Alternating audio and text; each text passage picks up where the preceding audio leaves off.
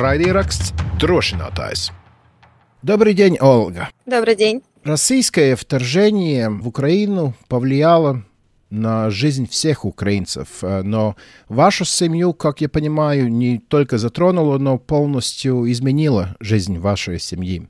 Я узнал о вас как о человеке, который начал э, компанию, которая делает мебель для бомбоубежищ, и это началось после полномасштабного вторжения. Про это мы еще поговорим. Но ваша история войны начинается уже в 2014 году в Донецке, правильно? Да. Вы сама из Донецка? Я сама из Донецка. Расскажите, как война для вас началась? Я встретила ее в Крыму, потому что в тринадцатом году я по контракту уехала на строительный объект как руководитель проекта. Когда все только начиналось, весна, так сказать, застала меня именно в Крыму. Мы находились там не сильно долго, потому что буквально после первого события, которое было в Ялте на площади, когда все только-только начиналось. Огромные толпы людей шли друг на друга с коктейлями Молотова. К моему несчастью, я была как раз в центре событий, ничего не подозревавшая. А мы уехали буквально на следующий день, вернулись в Донецк, опять же, не подозревая о том, что это может э, начаться и там. Когда мы выезжали с Крыма. Буквально, я так понимаю, что это за сутки, не знаю, уже стояли кордоны, границы, полностью военные люди, которые выпускали по частям, скажем так, из Крыма людей. Когда приехали в Донецк, поначалу все было более-менее тихо, спокойно, а, но начались события в Славянске. Опять же, для нас тогда еще казалось, что это может быстро закончиться, и это где-то далеко от Донецка, и не успеет дойти, но мы опять ошиблись. Для нас уже так более масштабно для меня началось. Мы сидели в офисе а, в Донецке. Это у нас офис был недалеко от аэропорта. У нас резко перестали работать э, телефоны городские, мобильные, такой как мертвый шум. И начали летать истребители. Понятно, нас всех отпустили домой до, скажем так, выяснения обстоятельств, что это вообще происходит, скажем так, в городе. И вообще пару недель мы посидели дома, а, в Донецке, увидели, что на лучшее ничего не меняется. Дальше все только хуже, и конфликт э, разрастается. Мы купили билет, как оказалось, в один конец, потому что на следующий день железную дорогу в Донецке подорвали. И мы приехали в Киев. И, скажем так, вот с 5 августа 2014 года для меня началась новая история. Вы сама где-то писали, что не приехали, как э, многие думают, что из Донецка там все приезжали с сумками деньгами, полные деньгами, но без ничего, да? Переехали. Да, к сожалению, буквально перед началом всем мы потеряли все вложения, поэтому в Киев э, я приехала. Хорошо, что я приехала с, со строительной компанией, в которой на тот момент работала. Это, скажем так, нас поддержало. Но мы приехали полностью без каких-либо сбережений. Единственное, что с нами было, это наши вещи, которые мы брали не на два месяца, а уезжали уже условно навсегда. То есть, понятно, брали с собой какие-то памятные вещи, которые дорого сердцу, потому что знали, что уже скажем так, вряд ли мы вернемся. А почему вы так думали в тот момент? Никто же не знал, как все будет. Э, никто не знал, но, знаете, история циклична. Я очень люблю историю и читать аналитику. Все в жизни повторяется. Не сегодня, так завтра оно бы повторилось. Поэтому никто не хотел рисковать. По крайней мере, наша семья, угроза жизни, она существует. Поэтому мы просто уехали где спокойнее. Но вы же видите, как показала практика, война догонит везде, независимо от того, где ты находишься. У вас а, связь с Донецком как-то еще сохранилась? Ну, если вы не можете говорить, так скажите. Лучше не буду. Мы вот э, говорили в прежних интервью там с солдатами и с другими людьми, которые конечно, ожидают, что война закончится только тогда, когда Крым, э, Донецк и этот регион будет освобожден. Как э, вы на это смотрите, как человек, который там жил, работал? Можно ли войне закончиться, если Крым и Донецк и Луганск не освобождены? Тут э, сложно сказать, потому что, как по мне, так очень много факторов. Люди, насколько люди сейчас готовы к этому, что одни, что другие, потому что эти 10 лет — это очень большой разрыв. Ну а вы лично, как вы думаете, как, как ваше чувство? Ну, на самом деле сложно. А, я бы не возвращалась туда, потому что это очень тяжело. Просто даже там находиться, видеть разрушения, видеть людей, других людей. Ну ладно. Но вот этот опыт, когда вы, вы жили в Донецке, вы видите, что с Донецком произошло и какой он сейчас, это как еще один мотиватор вам работать сейчас на благо страны, на благо людей, чтобы что-то такое не повторилось э, в других э, украинских городах? Тут вопрос даже не только в украинских городах. Тут вопрос, э, чтобы это не повторилось нигде больше. Я осталась в Киеве после 24 февраля именно по этой причине, потому что куда-то бежать дальше, на опыте предыдущем, скажем так, ты уже понимаешь, что это может быть где угодно, независимо от того, где ты находишься. Даже сейчас, выехав за границу по рабочему контракту, я понимаю, что это может настигнуть и другие страны. Ваш опыт бегства из Донецка, ваш опыт, как повлиял на то, что вы делали дальше, после 24 февраля? Ну, во-первых, очень сильно повлияло то, что в отличие от других людей, которые закрывали на это глаза, мы были к этому готовы. Это, скажем так, одна из основных причин. Что вы имеете в виду, были готовы? Мы были готовы к разным вариантам, назовем это так, потому что когда ты живешь и осознаешь, что в стране идет война, как бы кто ни закрывал глаза, а она идет уже 10 лет, ты готов к любым вариантам. То есть, когда мы садились в поезд в 2014 году, мы для себя приняли и поняли, что мы живем в взвинчивое время, мы должны быть хипкими и принимать решения, по сути, вот, и проживая день, каждый день, как он есть. То есть, да, я для себя приняла, что я могу умереть в любой момент. Могу выйти, упадет ракета, кирпич на голову, неважно. Ну, то есть, э, я это принимаю, я это осознаю. У меня до сих пор с 2014 года мы как приехали с чемоданом, чемоданы только меняются и меняются вещи в нем. Но, скажем так, вот этот тревожный чемоданчик, в котором есть все необходимое, вещи, документы, деньги и так далее, он не разбирается в течение 10 лет. Он просто дополняется какими-то другими вещами, нужными, необходимыми. То есть мы привыкли для себя, по крайней мере, наша семья, что мы можем в любой момент условно всего лишиться, и у нас останется только этот чемодан. Я это слушаю, я понимаю, что вы говорите, но в то же время не могу никак понять, потому что я никогда не был в такой ситуации. Что делает с твоей жизнью осознание, что ты можешь умереть сегодня, завтра, послезавтра? Ты как-то по-другому строишь планы, не строишь планы? Что это делает в такой реальной жизни э, с человеком? Лично для меня это стало спокойствие. Я не обращаю на это, скажем так, время. Я приняла это как данность. Я могу делать то, что я хочу, помогать людям, заниматься любимой работой и так далее. Но проживаю я эту жизнь э, каждый день полностью наполненный всем как последний. Я смотрю на ваш один пост в Фейсбуке. Совсем недавно вы писали, чем вы занимаетесь, как наполнен ваш день, ваша неделя, ваш месяц. И там очень много чего. Да вот поговорим про бомбоубежище. Как вы пришли к идее, что надо делать мебель специально для бомбоубежищ? Это была идея сразу так или как вы подошли к ней? Эта идея выплыла из потребностей.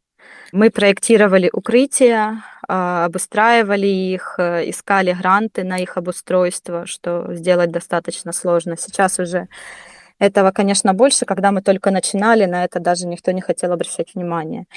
А погодите, почему вы эти вообще проекты делали? Вам был э, заказ такой или вы смотрели, не знаю, свои укрытия? Первоочередное, что было понятно, что в своем ЖК, где мы проживаем, мы хотели обустроить укрытие, но очень много сложностей э, юридических. Но, скажем так, останавливаться на этом я э, не хотела, поэтому начали развивать эту тему, проводить э, лекции по безопасности, как вообще должно выглядеть укрытие, что нужно делать, первые моменты, что там должно быть. Начали простые люди обращаться для того, чтобы либо переоборудовать старое укрытие в их доме э, или школа, больница, неважно, обращались разные.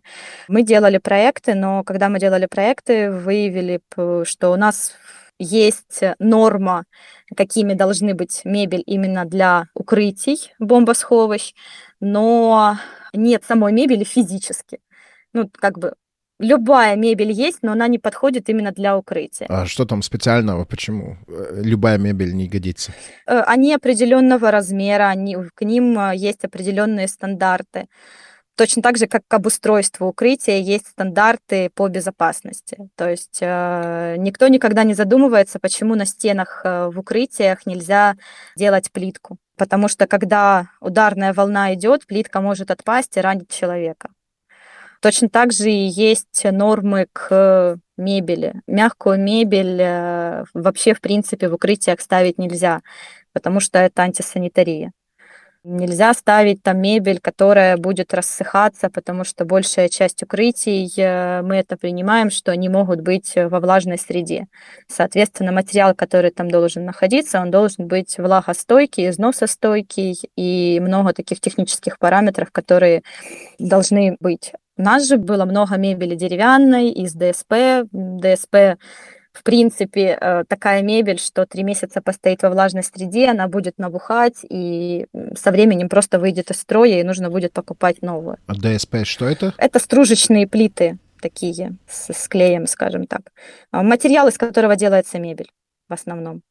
Мы искали материал, который мог бы быть э, нам в этом помочь. Э, рассматривали разные варианты. Мы с самого начала вообще не хотели, скажем так, открывать свое производство потому что это новая для нас сфера, сложная сфера. Не было выбора. Либо мы а, закрываем свои потребности и потребности людей, или же просто как все используем то, что есть. А, мы решили, поскольку у нас в команде были химики и технологи, мы решили, что мы попробуем а, открыть производство и сделать действительно качественный продукт, который будет э, не только за нормами, которые есть наши государственные стандарты, но и будет приносить пользу экологии. Поэтому мы выбрали материал, именно пластик. То есть, по сути, мы используем пластиковые отходы либо чистого производства, либо переделанный э, мусор под гранулы и делаем из него мебель. Мы получили сертификат о том, что это продукт экологически чистый, износостойкий, э, для того, чтобы у людей не было вопросов э, в плане экологичности и, ну, и для жизни, потому что у нас очень часто становится вопрос, что это пластик, а можно ли его использовать там или не там. Для того, чтобы избежать все эти вопросы, мы прошли сертификацию, чтобы люди были 100% уверены в качестве продукта. И так потихоньку начало разрастаться производство наше. А перед этим вы в Киеве открыли бюро архитектурный. Что это за ваша компания была? Я вообще инженер-строитель по образованию, поэтому стройка для меня это а, мое детище, я это очень люблю. И все проекты, которые, в принципе, у нас реализовываются, крутятся вокруг моего любимого дела, это строительство. Компанию мы открыли в 2016 году. Э, потому что жизнь в Киеве дорогая, столица, и зарплату, которую я получала в компании, в которой работала на тот момент, уже, естественно, ну, денег не хватало. Пришлось э, что-то смотреть, поэтому открытие предприятия тоже было таким вынужденным. Я никогда не имела ни бизнеса, ничего, поэтому для меня это было что-то новое. Понятно, были взлеты и падения и э, большие потери денег, но учитывая, что, во-первых, мне нравится строительство, э, нравится проектирование. Второе, когда ты живешь один, у тебя нету в Киеве поддержки и родных, э, то ты немножко по-другому ко всему относишься, и ты все твои невзгоды, они как-то забываются и каждый раз стимулируют тебя подниматься и двигаться дальше.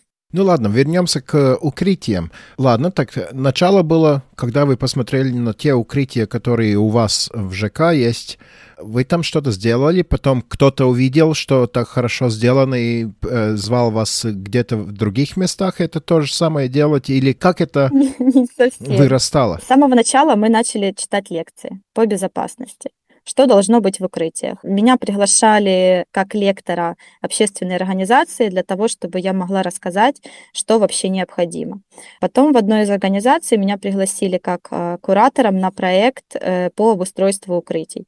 Мы помогали, давали материалы, строительные материалы, оборудование, которое необходимо именно в укрытии. На тот момент не так было много финансов, поэтому мы не давали деньги на а, сами ремонтные работы, а именно на то, что необходимо для того, чтобы люди э, своими силами могли это обустроить, потому что когда люди самостоятельно это делают, больше это ценится. Также параллельно мы э, уже начали продавать нашу мебель и предлагали людям, которые обустраивали, именно мебель по установить по стандартам удобную для того, чтобы они снова не делали деревянные лавки, которые узенькие, и на них неудобно сидеть, лежать, потому что в то время люди в укрытии проводили достаточно много времени, могли и сутки находиться, то есть а, понятно, что человеку нужно место для того, чтобы он и поспал, и поработал а на узенькой лавочке, которая 20 сантиметров, которые в основном стояли в наших укрытиях. Естественно, это сделать э, невозможно и неудобно. Первые продажи мы начали делать с февраля месяца. Потом, естественно, увидели люди другие начали обращаться, что они хотят такие же лавки, они у нас выглядели как, ну и сейчас выглядят, просто немножко видоизменили мы их, а, откидные кровати к стене, и таким образом потихоньку-потихоньку расширяли производство и улучшали, в принципе, продукт. За это время мы уже обустроили укрытие в девяти областях Украины, уже больше 30 укрытий, переработали уже больше 10 тонн пластика. А кто ваши клиенты? Мы работаем в основном через благотворительные фонды, потому что с госзаказами процесс проходит очень долго, и мы бы сделали гораздо меньше, если бы работали так. А так мы достаточно быстро это все изготавливаем, с учетом того, что у нас э, на начале нашей работы у нас не так много было а, мощностей э, для производства. Сейчас, понятно, мы расширились, и есть уже госзаказы, но в то время, когда мы только начинали, все было на самом деле очень сложно и очень непросто вообще что-то где-то начать. И укрытиями занималась большую часть общественный сектор, либо люди частные, кто хотел обустроить. Поэтому сейчас уже, да, у нас и государственный сектор заказ, и просто школы могут обратиться, молодежные центры, больницы, коммунальные предприятия, в принципе, любой, кому необходимо укрытие обустроить или обставить. Вы говорили, мебель для 30 да. укрытий вы сделали. Сколько мебели вообще в одном укрытии? Я понимаю, укрытие может быть большое, маленькое. Можно ну, какое-то... В зависимости от количества человек, в среднем укрытие идет на 200 э, человек. И сколько мебели это потребует тогда? Ну, в основном мы... И э, какой? Откидные лавы, на которых можно спать. В школах э, мы поставляли дополнительно еще столы и трансформеры, которые можно соединить, и они тоже превращались в кроватку со стульчиками, чтобы, если это дневной процесс, чтобы они не прекращали. В среднем в месяц у нас идет где-то уходит э, на отгрузку чуть больше 100 комплектов мебели каждый месяц. Сейчас уже производство немножко увеличилось, но на начальном этапе было так.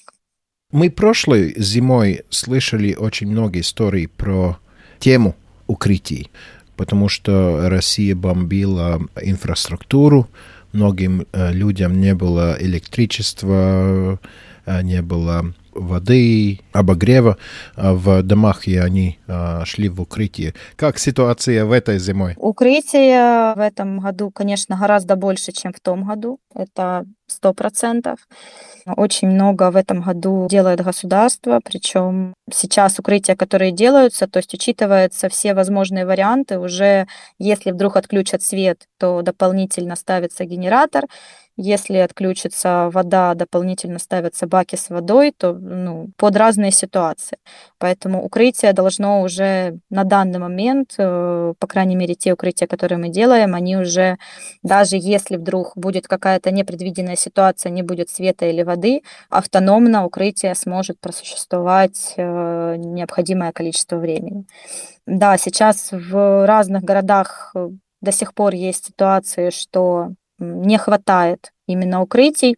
Тут, скажем так, вопрос именно назовем так, не самих укрытий, а именно комфортных укрытий.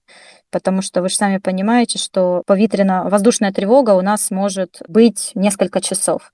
Соответственно, несколько часов человек должен сидеть в укрытии, но беспрепятственно осуществлять все свои жизненные потребности, работать, жить, э, учиться и так далее.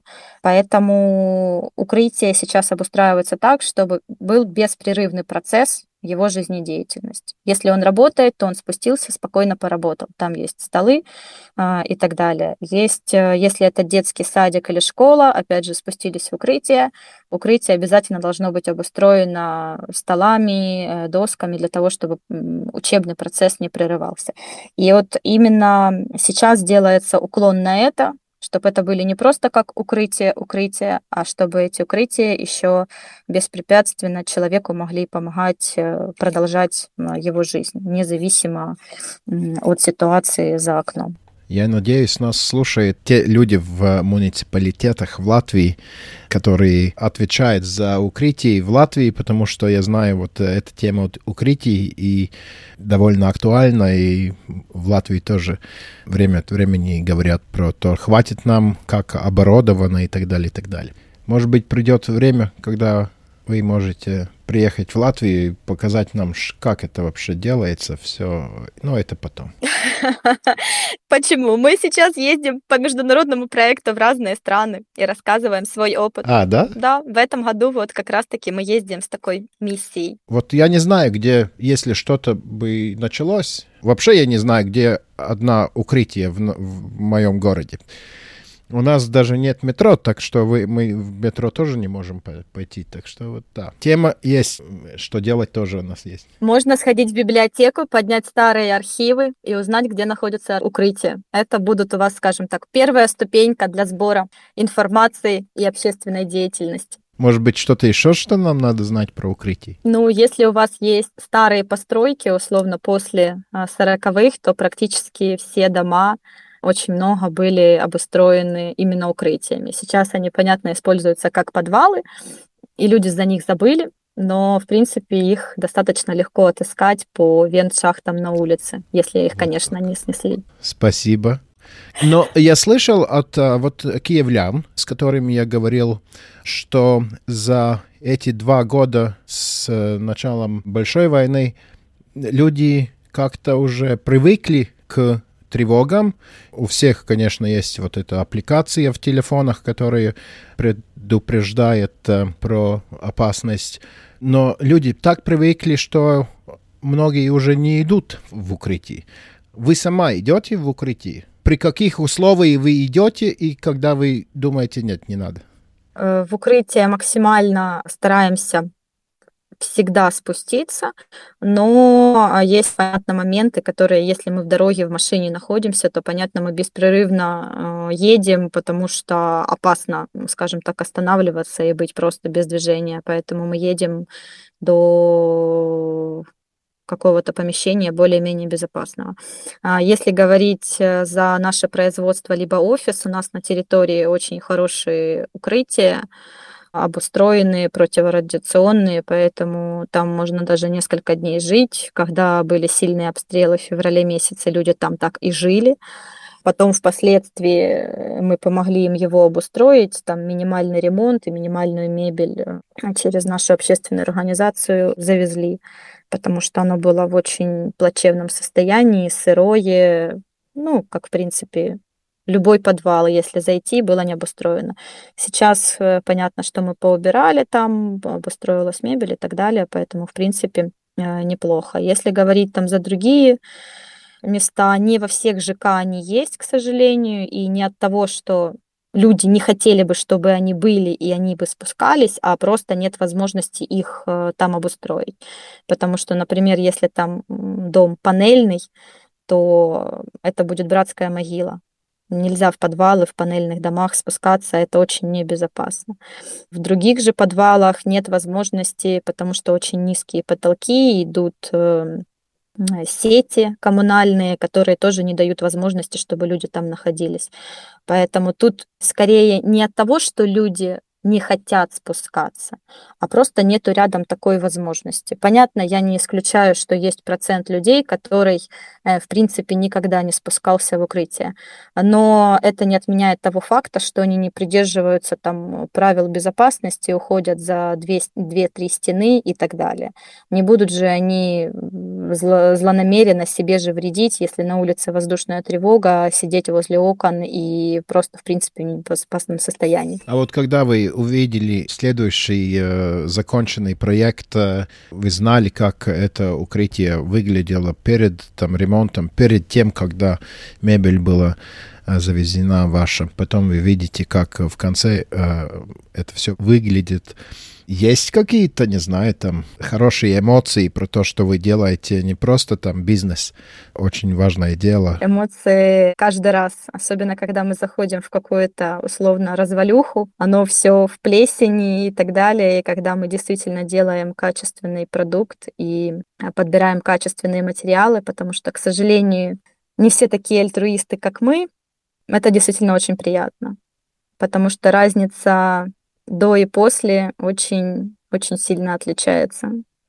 Но самое большее приятно, когда люди действительно говорят э, за важность э, твоей миссии, положительные отзывы за твою работу. Это больше приятно. Я еще читал где-то, что вы в вашей компании э, вы нанимаете на работу других переселенцев. Это так? Да.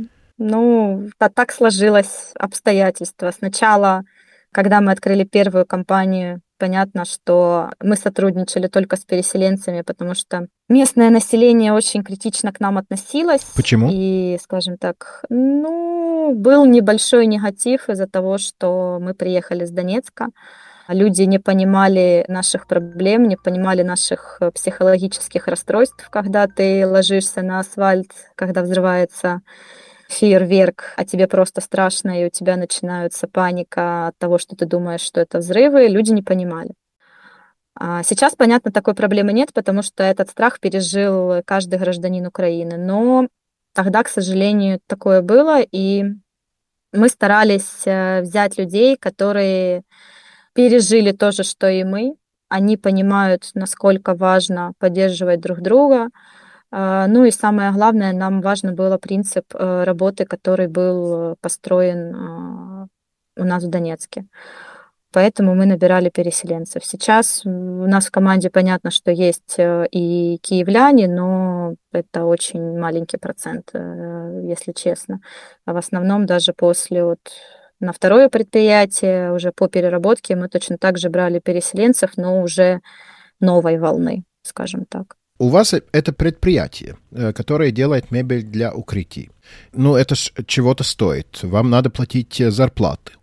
И тогда вам надо тоже какую-то стоимость э, своей продукции сказать. Как э, сделать цену такой, чтобы что-то заработали, и в то же время, чтобы на вас не кричали, что вы используете такое время и сделаете такие большие цены. Как этот баланс найти? Ну, смотрите, мы работаем, то, что касается укрытий, у нас есть э, с, с того года мы разработали новую линейку дизайнерской мебели. То есть мебель для укрытий, мы продаем ее по себестоимости. Мы закрываем э, зарплатные проекты, сырье и все. То есть можно сказать, что на мебели для укрытия мы вообще ничего не, не зарабатываем, потому что это наша социальная миссия. Мы для себя такое выбрали, и мы придерживаемся этой скажем так, миссии. Но никто не отменяет того права, что каждый человек хочет получать премии, хочет большую зарплату. Но, естественно, социального проекта мы это покрыть не можем. Поэтому мы развиваем новые продукты, такие как дизайнерская мебель. Нужно немножко больше креатива и немножко больше усилий для того, чтобы это э, все продавалось и реализовывалось. Ну и продвигаем ее, естественно, через другие каналы. Поэтому вот, вот так. слушая вас, я понимаю, что даже в войне вы человек, который не сидите, не плачете все время. Есть повод, конечно. Вы приняли для себя решение делать и делать максимально много всего чего. Правильно я понимаю? Я, э, скажем так, я хочу сделать ту страну и те вещи, за которые мне потом не будет стыдно перед своим ребенком. Хочу сделать все возможное для того, чтобы он жил в прекрасной стране с прекрасными возможностями. А для того, чтобы это было, мы должны находиться здесь и отстраивать и добиваться всего это, не опуская руки. Поэтому если мы будем опускать руки, понятное дело, мы ничего не добьемся. Я не готова. Я знаю прекрасно, что э, счастье э, не падает с тебя на землю, ты точно так же должен чего-то добиться сам для того, чтобы это у тебя было. Если ты хочешь, что ты будешь должен жить в независимости, в свободе и так далее, ты должен этого добиться. Понятно. И в конце, в каждое наше интервью мы нашим гостям спрашиваем одно и то же, что вам пожелать лично. Я понимаю, победы мира, но вам, вот вам лично чего пожелать? Лично. Знаете, а, в том году и все 10 лет жизни в войне для меня было одна самое главное а, мое желание, чтобы мои родные и близкие были живы и здоровы. К сожалению, в том году я потеряла очень много близких и родных. Поэтому тут, тут скажем так, а, очень сложно. То есть э, даже если я чего-то этого желаю, самое главное мое желание, к сожалению, не осуществляется. Поэтому очень хотелось бы, чтобы все были просто рядом и живы. Ладно, спасибо большое, Ольга, за этот разговор. Знаете, что мы в Латвии очень думаем про вас и... Главное, мира нам всем. То и пожелаем себе и вам. Raidieraksts drošinātājs.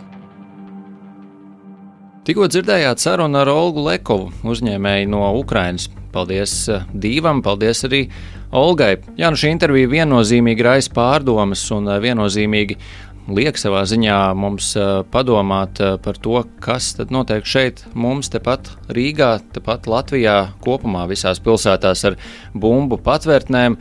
Protams, ka ir svarīgi tās ierīkot tā, lai cilvēkiem, ja ir nepieciešams, tie tur varētu pavadīt ilgu laiku un pavadīt to komfortablos apstākļos. Bet, nu, ja mēs runājam par to, kas mums šeit notiek Latvijā, droši vien sākumā jau jādomā par to, lai patvērtnes kā tādas vispār mums būtu un tās būtu gana daudz un gana pieejamas. Un tad jau tālāk var domāt arī par to, kā tās atbilstoši iekārtot. Ne, nu, zin, kā, ņemot vērā, ka karš turpinās jau nu, tūlīt būs divi gadi, nu, tomēr prasītos, ka tā dokumentu kārtošana, kas arī ir svarīga, protams, valsts pārvaldē, ka tā dokumentu kārtošana notiktos saulaicīgāk. Un es saprotu, ka, piemēram, 8. gadā, kad nācās taupīt naudu visur un uz visu, šķita, nu, kā mums tērēt naudu patvērtnēm, bet nu, jā, situācija ir pavisam mainījusies.